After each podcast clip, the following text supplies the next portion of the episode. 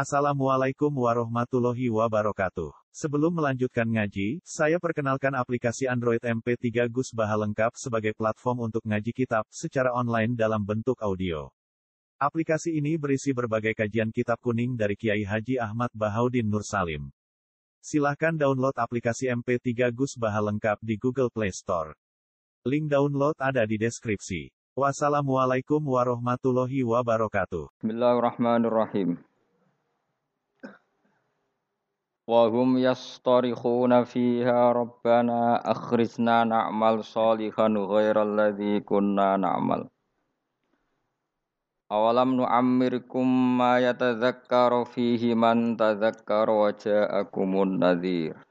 Fadhuku fama lidzalimina min nasir. Wahum utai ahlun nar iku yastarikhuna iku bengok-bengok sapa ahlun nar. Bengok-bengok fiha ing dalam nar. Yastaghisuna tegese jaluk tulung sapa ahlun nar bisiddatin kelan tenanan banget.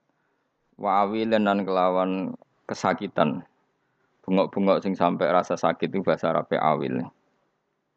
Yaquluna padha ngucap sapa ahlun nar, Rabbana akhrisna.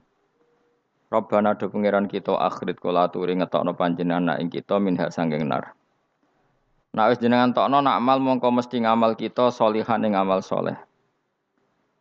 Ghairal ladzi ing saliyane ngamal kuna kang wis tau ana kita nak malu nglakoni sapa kita. Kita-kita kalau kembali ke dunia pasti melakukan amal soleh yang belum pernah kita lakukan.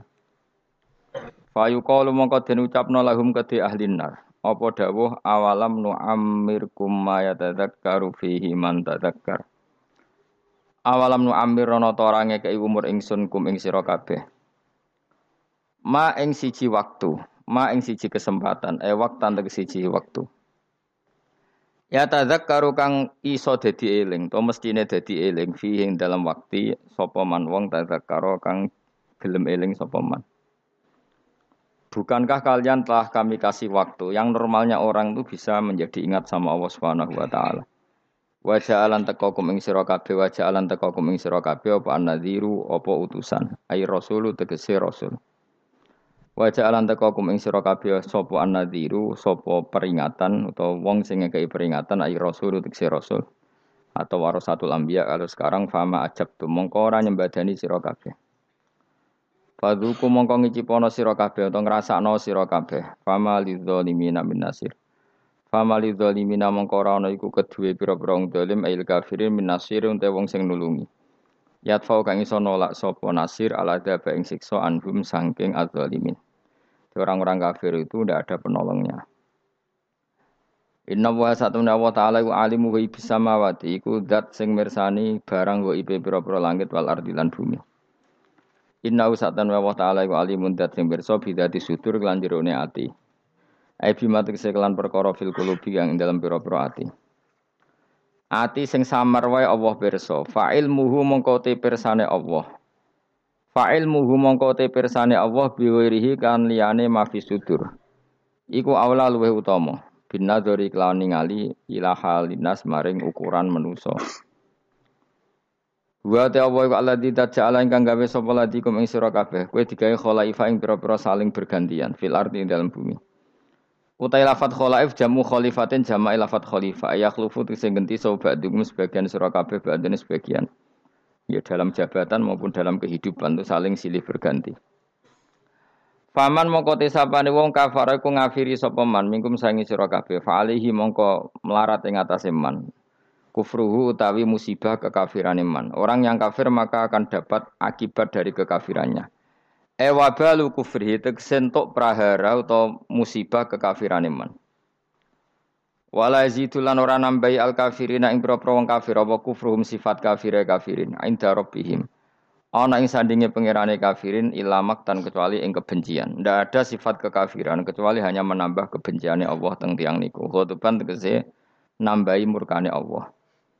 Wala yazidulan ora nambahi al kafirin ing pira-pira kekafiran apa kufrum kekafirane kafirin ila khasaran kecuali dadi kerugian lil akhirati maring akhirat. Dan kekafiran itu pasti mengakibatkan kerugian yang akhirat. Kul ngucap sira Muhammad araaitum ay akhbiruni maksudnya. Mbok yo kowe nyeritani aku, mbok yo kowe berargumentasi ngabari aku. Suraka akum eng mitra-mitra sira kabeh utawa ing sesembahan sira kabeh. Coba kasih tahu aku ini kata Allah. Kata Allah coba kasih tahu aku tentang sesembahan-sembahan kamu. Tatuna kang nyembah sira kabeh tak buduna tegese nyembah sira kabeh min dunillah sanging liyane Allah akhirih tegese liyane Allah. Wahum teladina iku alas namu misale pira-pira berhala.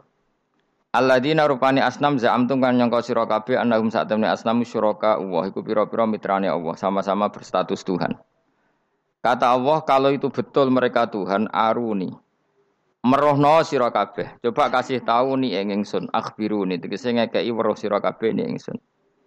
Mada ing apa kholaku gawe sapa syuraka minal arti sanging bumi. Kalau mereka itu Tuhan, coba kasih tolong aku, beritahu apa prestasi mereka, apa ikut menciptakan bumi. Am mono tau tai para syuraka wisirkun ikut andil, sirkat untuk melok andil ma'awoy sertane Allah fis samawati ing dalam gawe pira-pira langit e fi khalqis samawati dalam gawe pira-pira langit. Am atena humu toto paring ingsun hum ing syuraka kitab ing siji panduan kitab, siji aturan kitab utawa panduan kitab. Fahum mongko te suraka iku ala bayinatin ing atase kejelasan, maksudnya argumentasi ilmiah, hujjah dan tegese argumentasi ilmiah menku sangking ilah kita. Misalnya bi anna lahum klan sak temene tetep kedi suraka ma'i sertane ingsun sirkatan ana kontribusi, ana sirkah, ana andil. La saya amin dalik. Niki titik ya, titik la saya tegese ora ana apa-apa enggak ada kontribusi mujud min dalika saya mongkon-mongkon kabeh. Bal iya itu zalimun. Eh maya itu. Balik ora bakal janjeni sapa adzalimun pira-pira zalim ayil kafirun ba'du sebagian zalimun ba'dan sebagian ila khururon kecuali janji sing palsu. Batilan tegese janji sing palsu. Biqaulihim kelawan pengucape kufar misale al asnamu te pira-pira berhala iku tasfa'u nyafati apa asnam lagu maring kufar. Pun titik. Inna wa sa'atuna wa ta'ala yumsiku iku ngeker sapa Allah, saya ngendhalekno sapa Allah samawati ing pira-pira langit wal ardo lan ngendhalekno bumi. Allah itu yang mengatur mengendalikan langit dan bumi antazula supaya entah ora aslek apa langit dan bumi tidak bergeser atau tidak gugur atau tidak jatuh ora aslek ayam nak utus nyegah sapa taala huma ing samawatan arat minaz zawali saking zawal saking aslek cara Jawa aslek bergeser wala in zalata in amsakahuma min ahadim min ba'di Wal in zala tanpa ma asle kopo samawatan arat utai lam iku lamu kosam enam kosam. Wawah la in zalata. In amsa kamu ora iso nyekel huma ing samawat lan arat. Yumsik tegese ora iso nyekel huma ing samawat lan arat sapa min ahadin sapa wae min ba'di sanging saliyane Allah isi wahu saliyane Allah. Kalau langit dan bumi itu aslek atau runtuh, tidak seorang pun bisa menahannya. Innahu satamna. Lah kenapa sekarang belum runtuh? Innahu satamna Allah iku kana ana sapa haliman dat sing akeh apiane. Ghafuran tur akeh nyepurane. Misale fi takhiri qabil kufari ing dalem ngakhirno siksane pira-pira wong kafir. Wala in sebutin wa aqsamu billahi jahda aymanihim la in ja'ahum nadhiru la yakununna ahda min ahdal umam. Falamma ja'ahum nadhirum ma zadahum illa nufura. Wa aqsamulan padha sumpah sapa kufar Mekah e kufaru Mekah zaman iku billahi atas nama Allah jahda imanim klan banget bangete sumpah kufar. Mana ada gaya tasdihadim tegese banget kelimake sumpah kufar fi yang dalam aiman. Aiman sumpah. Mereka bersumpah muni ngene la injahum. Umpama lamun teko hum ing kufar Makkah sapa nadhirun rasul eh rasulun la yakunun aibine bakal ana sapa kufar Makkah. Iku ahda, iku luweh untuk petunjuk min ihdal umami dibanding umat-umat sing wis ana. Mereka bersumpah dari kafir Mekah kalau kita punya rasul pasti lebih mendapat hidayah daripada Yahudi Nasrani min ihdal umam ayil yahudi di semu yahudi wan nasara lan nasrani wa khairihim lan yahudi nasrani e ayya wahidatin e ayyi wahidatin tegese dine salah suci min hasangking ikilah umam Lama ro'au semangsane padha ngerti sapa kufaru Mekah min takdzibi ba'dihim saking oleh gorono sebagian Yahudi Nasrani ba'dan sebagian.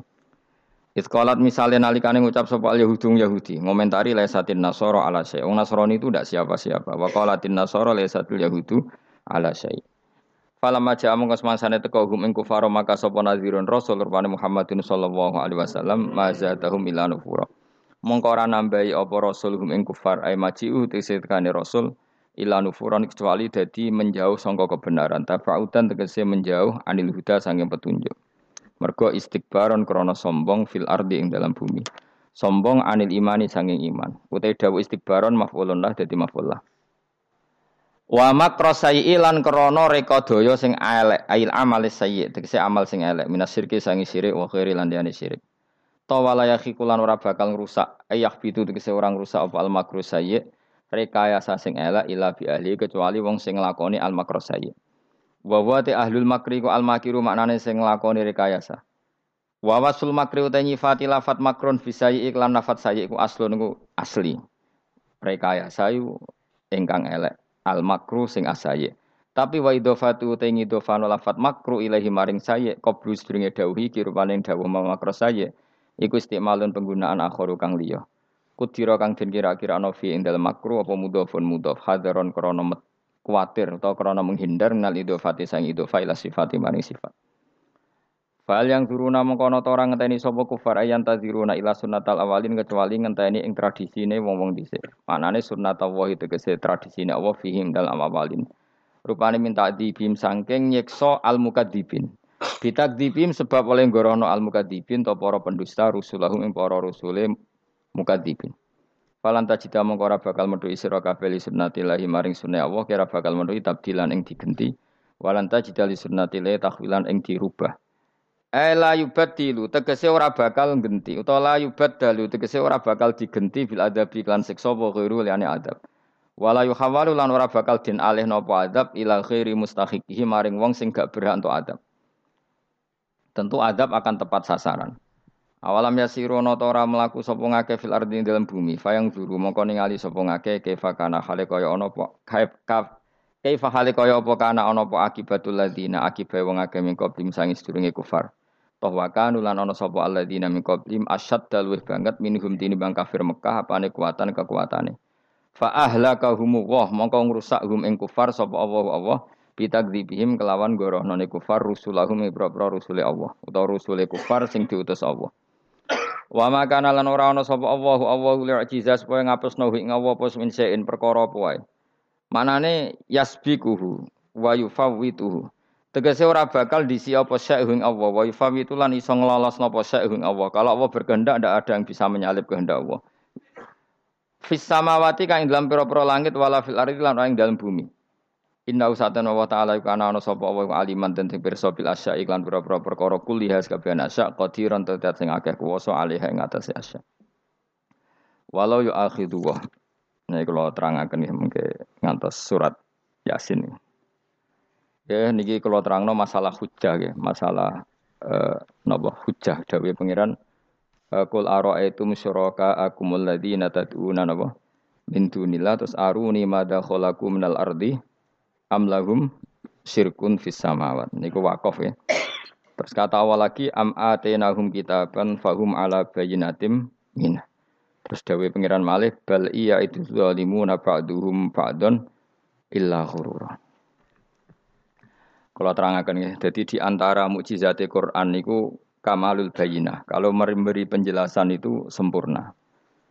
Sehingga ulama mengatakan imanul mukallid, imannya orang-orang sing asal ikut kiai, asal ikut guru, asal ikut buku, itu mukhtalaf. Eh, bahkan saya sendiri cenderung mengatakan iman itu tidak diterima. Karena manusia dibekali akal, inginnya Allah itu dengan akal itu dia punya kepermanenan iman, apa? punya kepermanenan apa? iman dan dengan itu dia imannya mujma'aleh, mesti diterima oleh Allah Subhanahu wa taala karena bin nadhari dengan logika yang ben, benar. Eh, dan logika yang benar itu gampang sekali. Eh, beberapa ulama tentu tahu sekali, bukan sekedar tahu, tahu sekali karena itu diajarkan Allah dan Rasul. Misalnya begini, kata Allah, saya kalau baca ayat-ayat ini itu sering nangis karena Allah yang Tuhan itu sebenarnya tidak butuh kita. Saya ulang lagi, Allah yang Tuhan itu tidak butuh kita, juga tidak butuh iman kita. Tapi Allah ingin hambanya itu berakal ya, karena agama itu likaumi yakilun sehingga berpikirnya benar. Misalnya gini kata Allah, nggak apa-apa, kamu menuhankan selain saya itu nggak apa-apa kata Allah. Nggak apa-apa Yesus kamu katakan Tuhan nggak apa-apa, kamu katakan batu Tuhan nggak apa-apa. Tapi tolong prosedur ya prosedur atau persyaratan menjadi Tuhan itu kamu lengkapi, yaitu punya prestasi menciptakan langit dan bumi. Kalau tidak semua surun semen kata Allah, sementing urun. Gitu. Jadi sebetulnya itu kan rasional. Misalnya nggak apa-apa kamu merasa jadi presiden atau gubernur atau jadi wali atau jadi apa. Yang penting prosedurnya dipenuh penuh. Itu kayak apa Allah baiknya pada kita. Sehingga saya berkali-kali makanya menurut saya orang alim itu wajib memaklumatkan kalau dirinya alim supaya jelas aturan mainnya. Yang dilarang Allah itu kan memaklumatkan alim, kemudian ingin hadun nafsi, ingin salami template, dicucup, dihormati itu kriminal. Itu orang alim gendeng, itu, sudah, gendeng sekali. Karena khasnya orang alim itu tentu cari ridhonya Allah, bukan ridho khalqi, bukan ridhonya apa? Makhluk. Makhluk itu lah ada siapa-siapa. Dan kita harus baku seperti itu. Kenapa kalau orang alim nggak memaklumatkan kealimannya itu dikatakan salah? Karena fungsi orang alim adalah membawa bayinat membawa ayat-ayat Allah, bukan kepentingan apa? pribadi. Makanya Rasulullah nanti duka ngendikan idza zuharatil fitanu wal fida'u falyudhiril alim ilmahu wa illa fa'alaihi la'natullah wal malaikati wan nasi ajmain. Jika zaman akhir banyak bid'ah, banyak kebodohan, maka orang alim wajib menampakkan kealimannya. Jika tidak, maka dia malun, dilanati langit dan bumi. Karena sebetulnya logika tentang Tuhan itu gampang sekali. Saya ulang lagi ya. Saya punya sekian contoh betapa tauhid itu mudah. Jadi kalau ada orang bilang ikhlas itu angel, Gus. Ya dia dia sendiri goblok karena nggak tahu logika nopo. Ikhlas itu justru gampang. Misalnya kamu ngamal demi manusia, manusia itu umurnya hanya berapa coba? Kan pasti mati.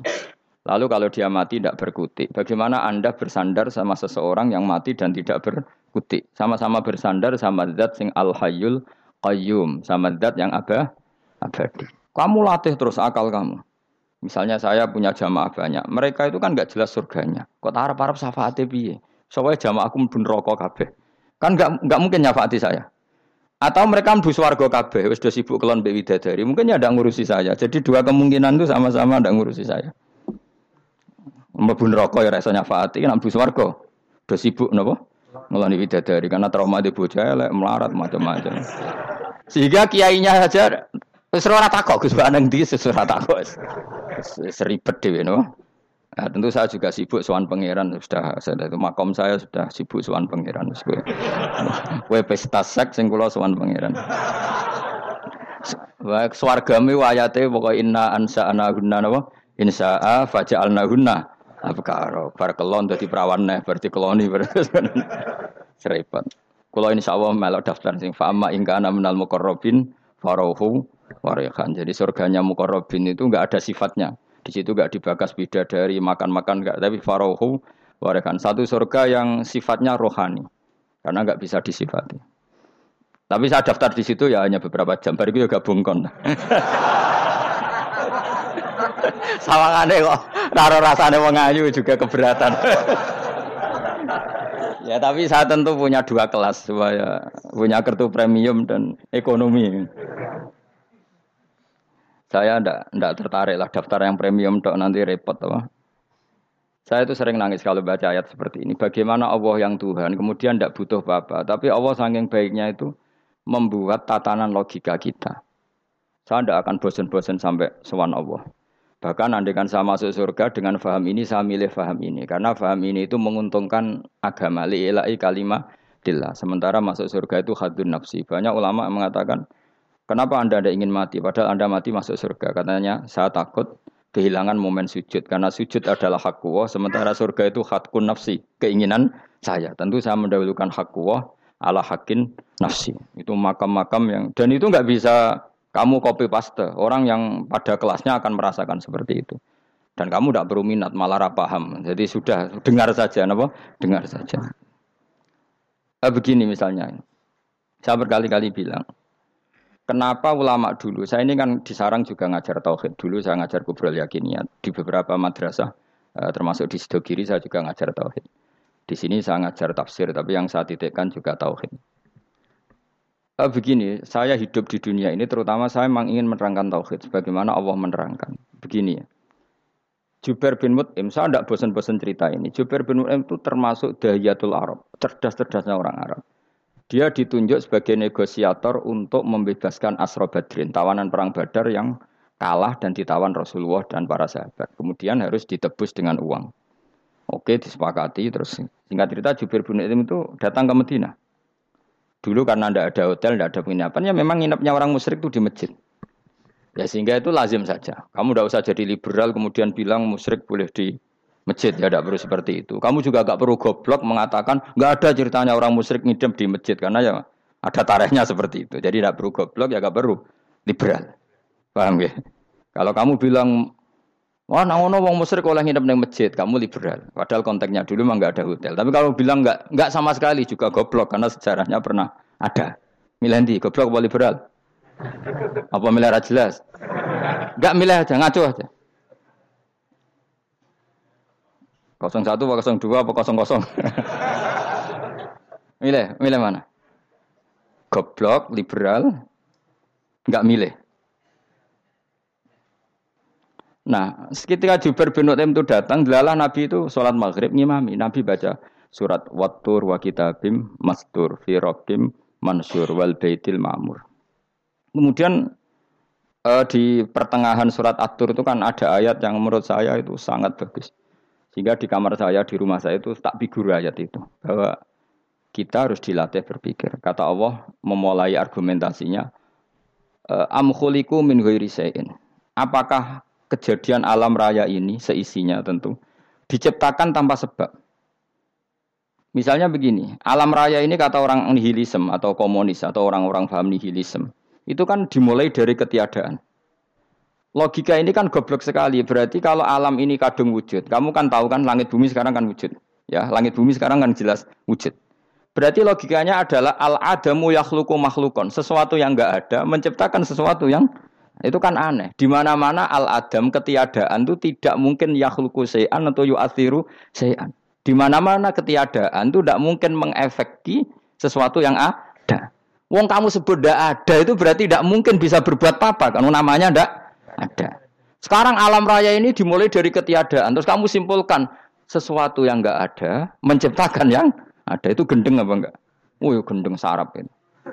Orang usah ini wong gendeng, yang mau mati dewi. Jadi makanya Quran menanyakan mereka, am khuliku min Apa alam yang kadung wujud ini kemudian disebabkan oleh sesuatu yang tidak ada?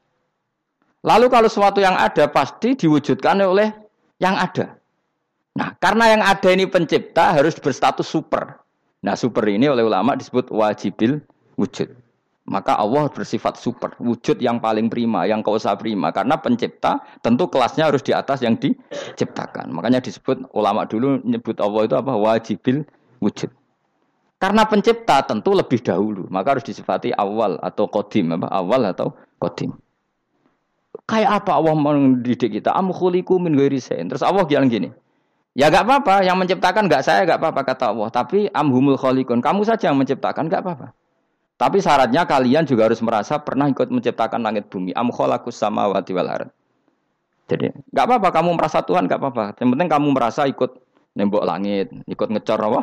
Langit. Ya pokoknya ikut bikin. Terus kata Allah bala yukinun, kamu tak suruh merasa menciptakan langit bumi, kamu juga nggak merasa iya. Memang ya mereka merasa ndak kan? Akhirnya Jubair bin Utim saking nggak kuatnya. Am khalaqus samawati wal ard balla yuqinun am indahum khuzun. Sama Allah dibombardir seperti itu. Dia datangi Rasulullah ya Muhammad eh, logika itu tidak meninggalkan akal saya. Matarok tali akli. Akal saya habis Muhammad. Saya iman saja.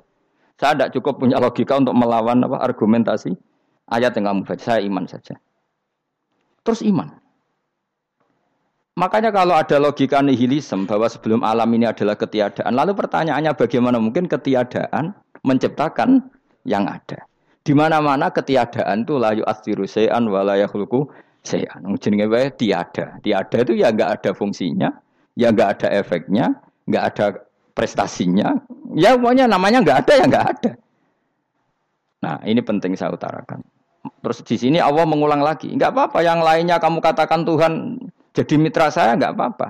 Tapi tolong kata Allah, aruni madza khalaqu minal ardi. Tunjukkan ke kami prestasi dia ikut bikin bumi. Kita tahu misalnya Yesus Isa lahir di bumi. Bumi sama Yesus dulu mana? Dulu bumi, dia lahirnya di bumi. Lalu dia melata di bumi, jalan-jalan. Kemudian dia mengatakan ini, ini bumi Tuhannya saya. Jadi bumi kok enak, di aku sih. Tua aku sih, bodoh-bodoh pangeran aku dong. Lebih apa? Tua. Jadi Allah itu gampang sekali. Nah sekarang orang iman itu kuwajo semua. Makanya ndak wali-wali. Imane mbek Allah taklid, jaluke aneh-aneh, njuk bojo ayu, sugih, jabatan. Bela Allah secara hujah aja nggak pernah, sudah minta. Makanya ini kita ini hidup di zaman yang saraf masal. Lho kalau nu jaluk pengiran akeh-akeh kuwi, coba kamu bela Tuhan tuh pernah bela apa? Bela Tuhan tuh gampang dengan argumentasi al-hujjah yang supaya agama ini tamkin, tamkin fil art, bener-bener mapan, mapan dalam logika. Yaitu tadi di mana-mana yang namanya sebab itu amrun wujudiyun, di mana-mana sebab itu sesuatunya harus wujud. Paling tidak kita sudah menolak nihilisme, apa? Nah, nihilisme. Lah wujud karena wujud awal harus berstatus prima. Lah prima itu dalam bahasa ulama disebut wajibil wujud. Makanya ulama dulu ngelatih kita itu pertama Allah itu siapa? Zat sing wajibil wujud. Itu satu filosofi yang luar biasa. Nah, kemudian setelah itu ada setan-setan kecil yang nganggur, yang iseng. Nah itu nggak usah kamu perhatikan. Tinggal delok TV, ta, ngopi, terus tinggal nyate kelata. Enggak saya tamak, pingsan dewi. Sokor-sokor stres di. E, dugaan saya setan saya gue pingsan kurang gizi. Karena memang setelah itu setan goda gini. Lalu sebelum Allah jangan-jangan ada wujud yang lain. Jangan lalu Allah sendiri awal mulanya gimana? Kata Nabi, jika ada pertanyaan seperti itu kamu harus berhenti. Tinggal dulu TV atau tinggal penting aja dulu dangdutan. Ya kalau kepeksa ya apa-apa, kelasem Saya tidak menghalalkan tapi kan sudah kamu lakukan.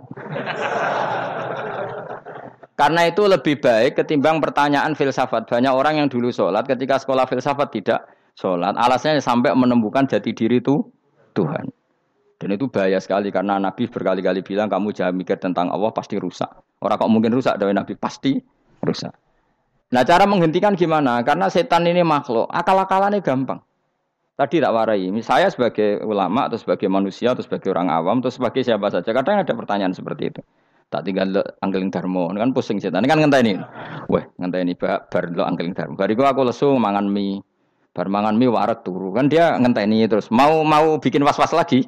Ternyata saya sibuk kan nggak nggak bisa masuk deh bangun tidur aku selali pertanyaan tadi. Dinteni. Nah, dia masuk lagi. Masuk lagi aku sibuk ngajak anak jalan-jalan. Jadi saya kalau jalan-jalan di pasar itu wes enteni tan santai wae. Itu memang resep dari Rasulullah. Jangan sampai orang terjebak filsafat yang sampai menanyakan eksistensi Tuhan. Dan dia tidak mau iman, tidak mau sholat, tidak mau puasa sampai menemukan Tuhan itu siapa. Itu jelas minas syaitonir rojim itu perilaku setan. Makanya Rasulullah setiap ditanya sahabat gitu itu Nabi guyu-guyu. Dan guyunya Nabi itu kata Nabi, baguslah kalau kamu takut Tuhan kalah kata Nabi. Nabi gojok gitu. Maka ada ulama yang punya seni ya, seni berargumentasi yaitu Imam Ghazali. Jika setan tanya kamu lalu sebelum Allah jangan-jangan ada wujud yang sebelum Allah. Kata Imam Ghazali, ya itu saja yang Tuhan. Yang Allah ini enggak tidak, enggak jadi Tuhan. Ya berarti wujud sebelum Allah itu yang benar-benar Allah. Kalau kamu bayangkan lagi, jangan-jangan sebelum itu ada wujud lagi. Ya itu saja yang benar-benar Allah. Sehingga tetap Allah itu menang terus. Paham ya? Yang jelas jangan sampai didahului Adam. Karena kalau didahului Adam lebih ngeri lagi. Karena sesuatu yang enggak ada menciptakan yang ada. Itu lebih buruk lagi menurut akal. Menurut apa akal? Nah, daripada kamu nggak salim Imam Ghazali, tinggal saja dulu. Tadi dulu sinetron. Itu yang lucu-lucu aja. Tidak sing lucu-lucu. Pondok apa mencari Tuhan. Pokoknya saya aneh-aneh, mau goblok-goblok, saya lucu-lucu, saya perane wong apa? Lho saya sering diproses saya. Gus Salim jenengan kok sering dulu sinetron sing ana dialog wong goblok-goblok. Wong goblok ku menarik cara kula.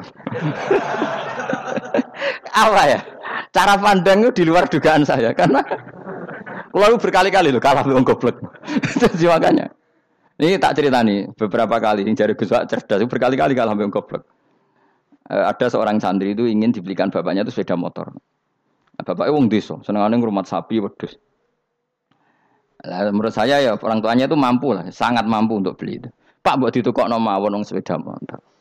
Kata bapaknya, anakku nu jok mondok tak goblok Gus. Wong jaluk kok sepeda motor, jaluk mobil ora ya goblok. Lah kok goblok, Pak? Jenenge donya iku Gus. Sing lahirno donya kok sapi iku ndek anak. Wedhus ndek anak jenenge donya. Di mana-mana jenenge donya sing lahirno donya. Iki donya kok mangan donya? Mergo motor iku kan tuku bensin mobil. Iku cara dekne iku goblok Gus. Batin berarti kabeh kiai goblok perkarane. Tuku donya sing ngentekno. Donya. Cara dekne donya iku sing lahirno dunia. Batin kok pinter iki batin. Untungnya ya saya ini ulama ya, ahli tafsir ya malu. Sebenarnya kalah itu ya malu. Tapi saya sebagai orang objektif fair, itu teori benar apa? Jadi dunia itu ya sing lahirno dunia. Dunia kok mangan dunia itu goblok. Untungnya dia dengan saya itu jaraknya 5 kilo 7 kilo karena 7 kilo. Lala dia diterkon sepeda motor, aku tetap mau kalah. Pak, nanti jalan kaki saja. Karena kalau pakai motor, ini kegoblokan kata saya. Terus mendingan nih, lo Gus mau kalah tadi.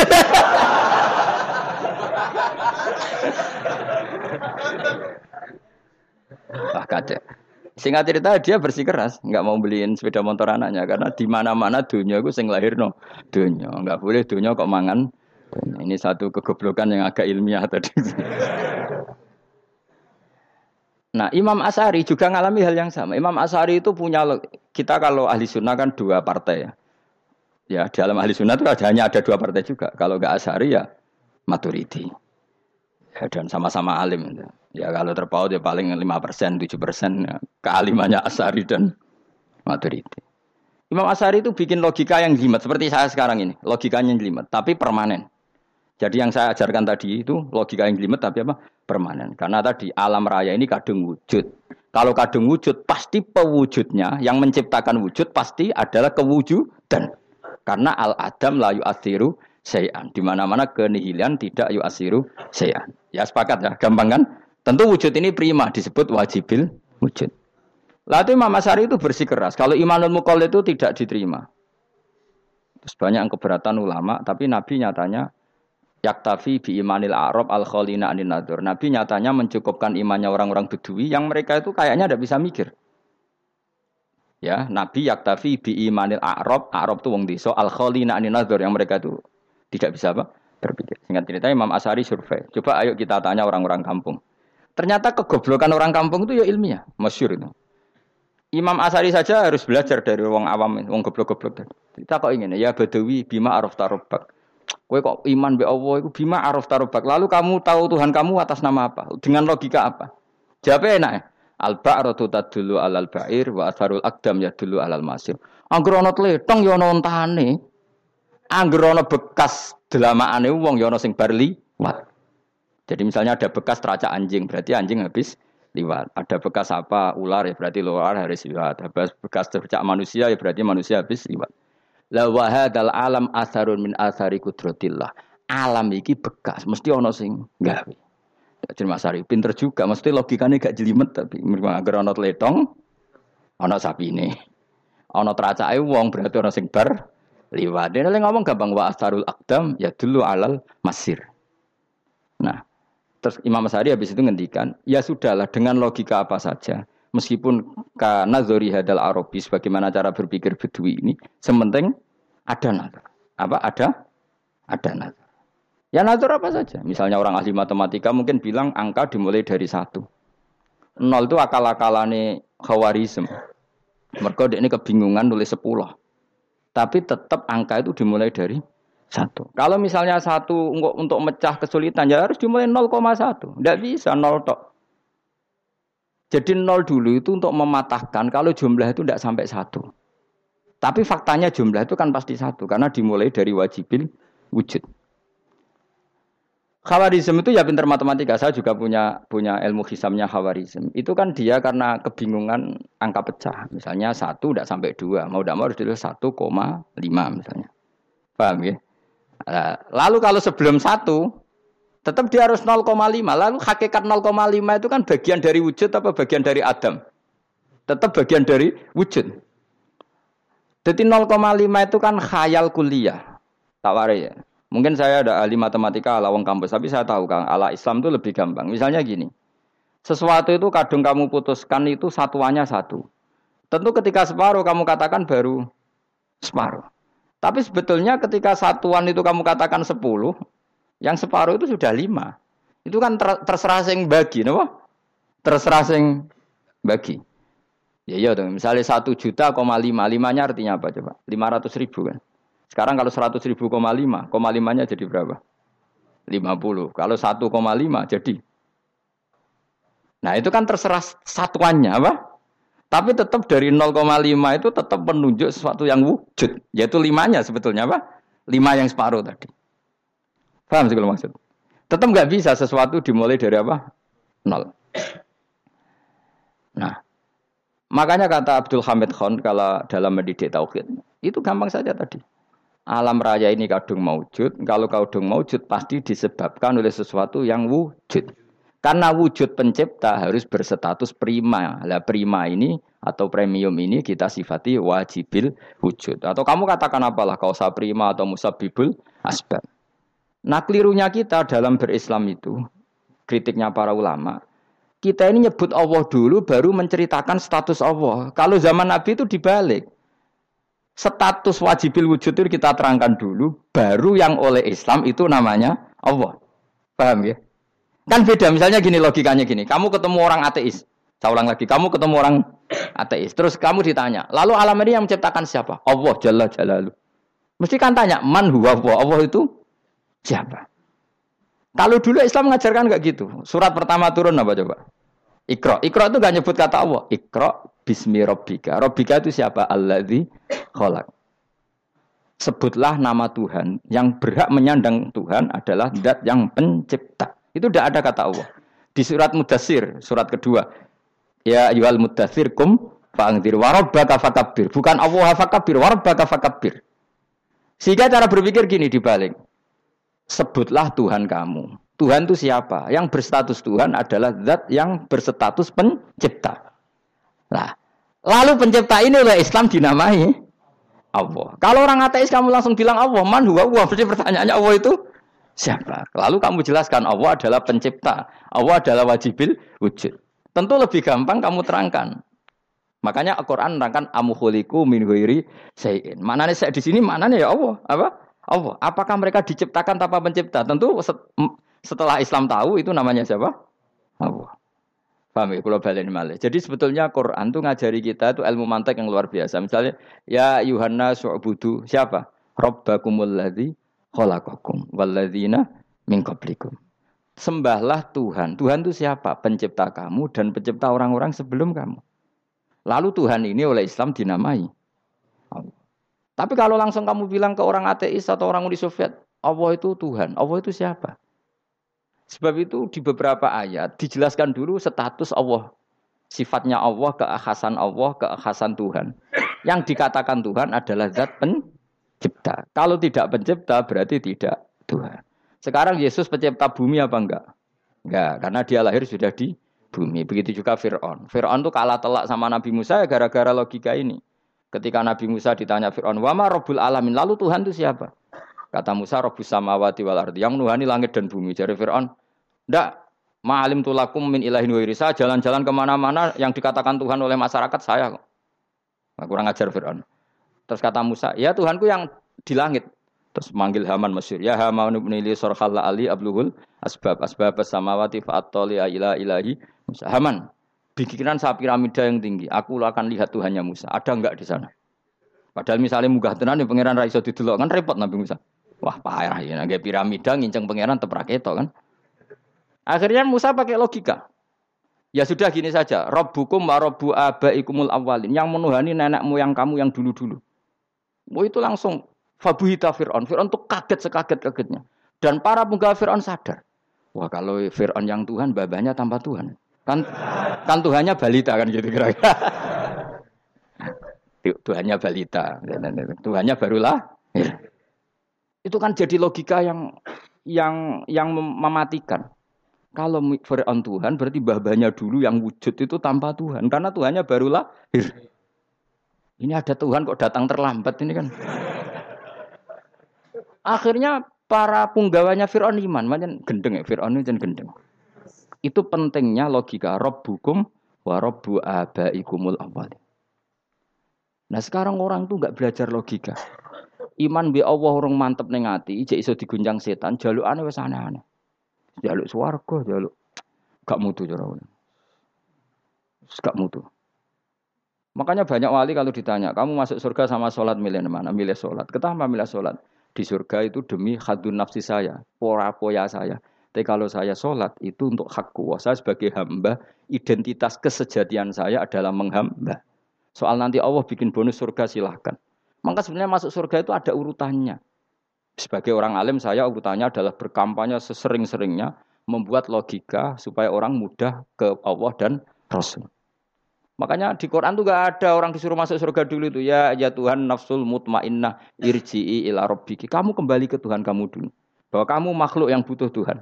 Fathuli fi ibadi. Kamu masuklah berstatus hamba dulu. Kesetatusan Anda sebagai hamba ini matangkan dulu. Bahwa saya ini hamba.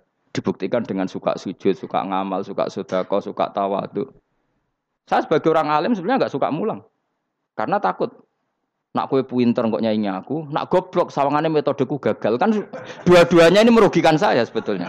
Saya ulang lagi ya, nak pinter kayak nyanyi aku, Kan ya mungkin juga senajan rodok mokal mungkin. Sanggup ae rodok mungkin.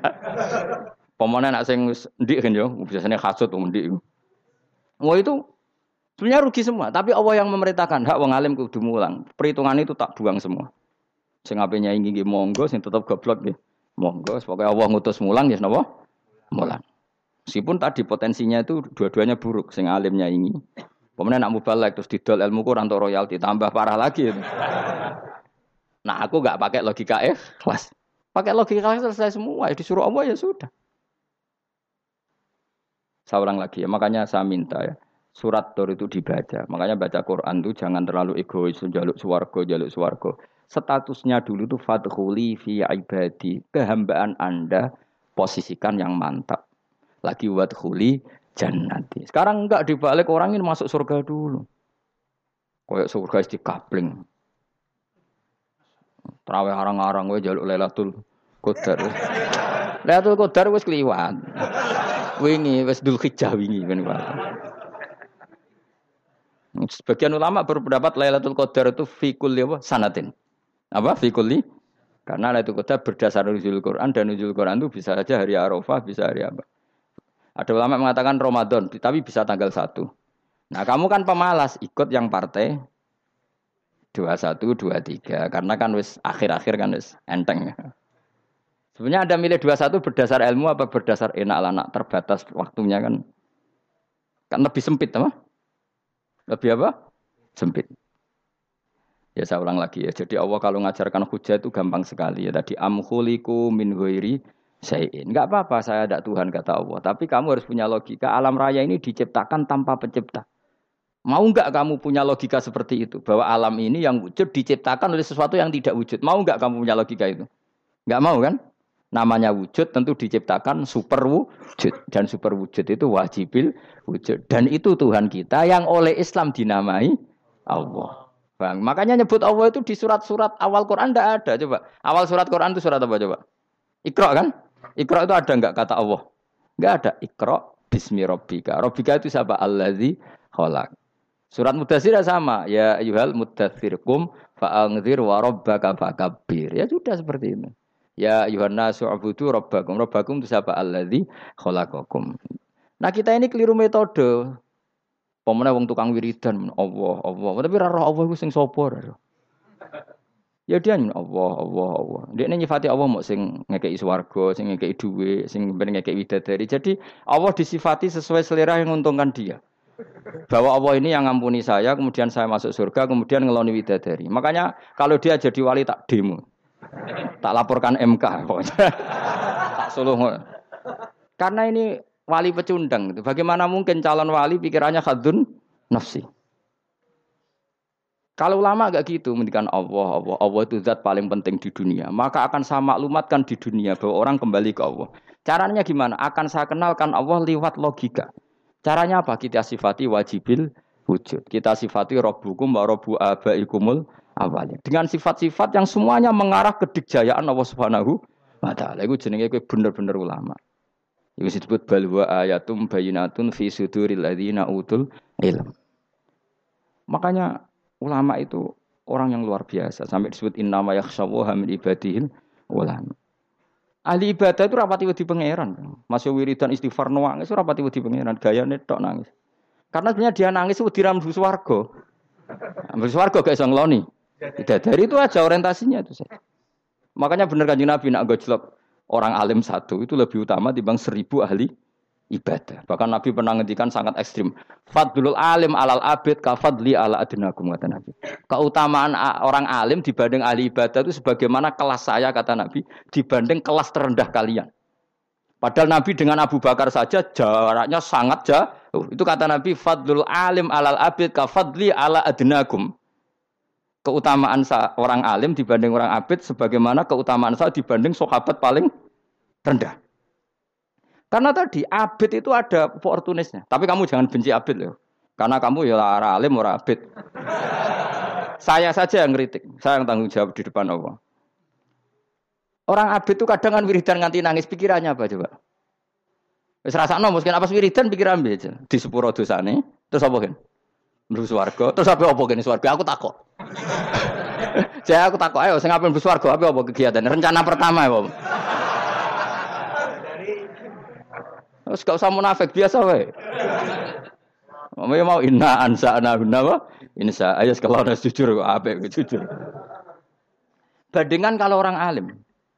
Orang alim itu ketika nyebut Allah itu iri, iri ya Allah. Kenapa di dunia ini ada makhluk lain yang menandingi engkau? Saya tidak ridho. Kenapa di dunia ini ada syarik orang yang dimitrakan seperti engkau? Maka orang-orang alim ini ingin memaklumatkan bahwa la syarikalak labbaika wa humalab baiklah syarika lak innal hamda wa ni'mata laka wal mulka la syarika lak. Sehingga para nabi itu memaklumatkan itu. Engkau saja yang Tuhan ya Allah. Semua nikmat dari Engkau, semua kepemilikan ini milik Engkau. La syarika lak baik. Dimaklumatkan ke dunia. Innal hamda wa ni'mat itu dimaklumatkan. Enggak ada kepikiran mereka masuk surga. Karena mereka ingin memaklumatkan bahwa Allah ini yang Tuhan. Sama tak cerita ini Nabi Ibrahim dari Khalilur Rahman rumang samu kakan wiridan kok ya kowe ndak wiridannya Nabi Ibrahim sama sampean mungkin banyak sampean. Karena sama banyak kepentingan tadi. Wali-wali dulu kalau wiridan tuh tidak sebanyak sampean, tidak. Tak jamin, tidak.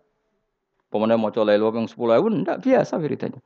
Tapi khosyahnya sama Allah luar biasa. Pertama Nabi Ibrahim diangkat jadi khullah. Khullah itu ya Khalilur Rahman itu. Itu dia wiridannya gini. Ya Allah, Innahu la yahzununi alla aro ahadan fil ghairi ya'buduka ghairi. Alla aro ahadan fil ardi ya'buduka ghairi. Sama saya hafal tak ini. Memang saya hafalkan. Ya Allah, saya ini susah sekali. Kenapa dat sepenting engkau? Kemudian yang menyembah engkau hanya saya. Ini tidak fair. Makhluk yang enggak penting saja punya umat. Makhluk-makhluk yang enggak penting aja jadi pusat perhatian. Misalnya artis atau presiden atau gubernur atau tokoh top Semuanya jadi presiden, padahal semuanya itu makhluk yang nggak sepenting engkau. Ini zat yang sepenting engkau, kemudian yang tahu kalau engkau penting hanya saya ini tidak fair. Nangis dan Nangis, nangis, nangis. Ini tidak fair. Inna hulayah zununi Allah aro ahadan fil ardi ya'budu ghairi. Saya ini susah Gusti, susah sesusahnya. Zat sepenting engkau, kemudian yang tahu kalau engkau penting itu hanya saya. Wah ini tidak fair. Loh coba kalau orang mencintai sesuatu kan gitu. Misalnya kita bojo ayu, kemudian wong liya kabeh darane elek, mangkel ora? Mangkel gak? Kamu beli Alphard. Kamu kira itu mobil mewah. Kemudian orang nyejajarkan podo bek carry, mangkel gak? Semua kenikmatan tuh kita nikmat karena itu diakui ya enggak? Wes ah, gunanya apa kayak di Alphard gawa ning Gunung Kidul. Terus uang darani ngono iku padha bek carry ambek kejangke mangkel ora kira-kira. Enggak penting mewahnya ini tetap butuhnya penga pengakuan. Coba misalnya kamu jadi presiden hidup di dunia orang sufi. Sing darah yang penting wong soleh hari sujud ora kakuati ke. Kita kau di Barnos. Karena itu hormati situ hanya orang apa so? Soleh. Kakuati gak? Mau kakuati kan? Atau kowe jadi artis top teko ning daerah Gunung Kidul wong desa-desa terus diundang lek.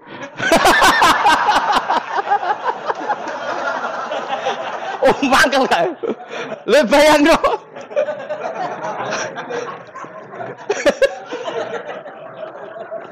Oh, kamu menteri top, menteri BUMN, barang dolan itu sudah diundang le. Matus walang le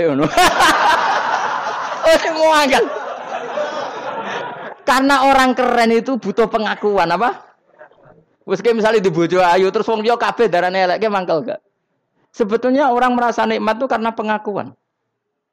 Bayangkan kan orang itu melihat Alphard itu tidak wow. Orang punya Alphard gagah enggak? Oh gak gagah kalau orang lain gak bilang apa? Oh.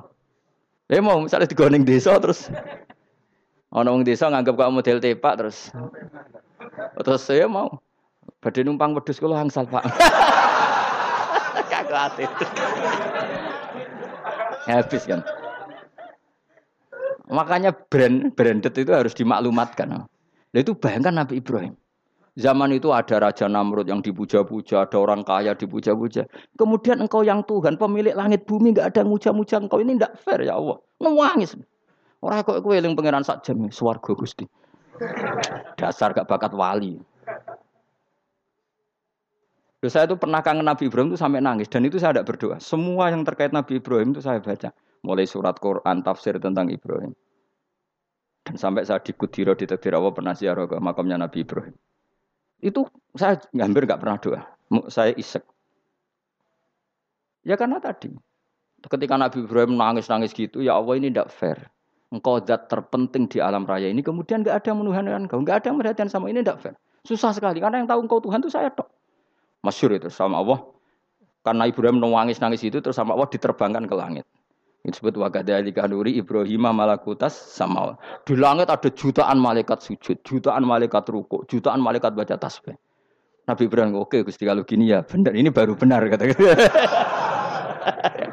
Makanya terus Allah dengan keangkuhannya, karena Allah punya sifat angkuh dan itu sah. Walahul pria kan sifat angkuh baik untuk Allah tapi tidak baik untuk makhluknya. Dan Allah dengan sifatnya walahul pria Kata Allah, kalau nasihati para nabinya, kamu tidak usah susah. Jika di bumi jarang orang nyembah saya. Innalladzina inda rabbika yusabbihuna lahu billaili wan nahar wa hum la yasamun. Kamu tenang saja. Orang yang di sana di langit-langit itu maksudnya para malah jika itu bertasbih siang dan malam. Wa hum la yasamun dan mereka tidak berhenti-henti, tidak bosan-bosannya bertasbih.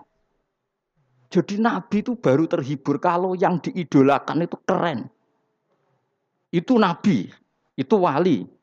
Itu wali kutub, itu wali. Kamu enggak nyebut Allah itu Sebenarnya kamu kan enggak ingin kan bangun malam ingat Allah. Berhubung utamu akeh. Terus Allah mbok libat, mbok nyaur kan sebenarnya itu. Kamu ingin jadi bupati, sebenarnya kamu enggak kangen Allah. Kamu ingin jadi bupati. Terus Allah mbok jak koalisi kan gitu. Terus malam-malam Allah, ya Allah ini hambamu ya Allah minta ini.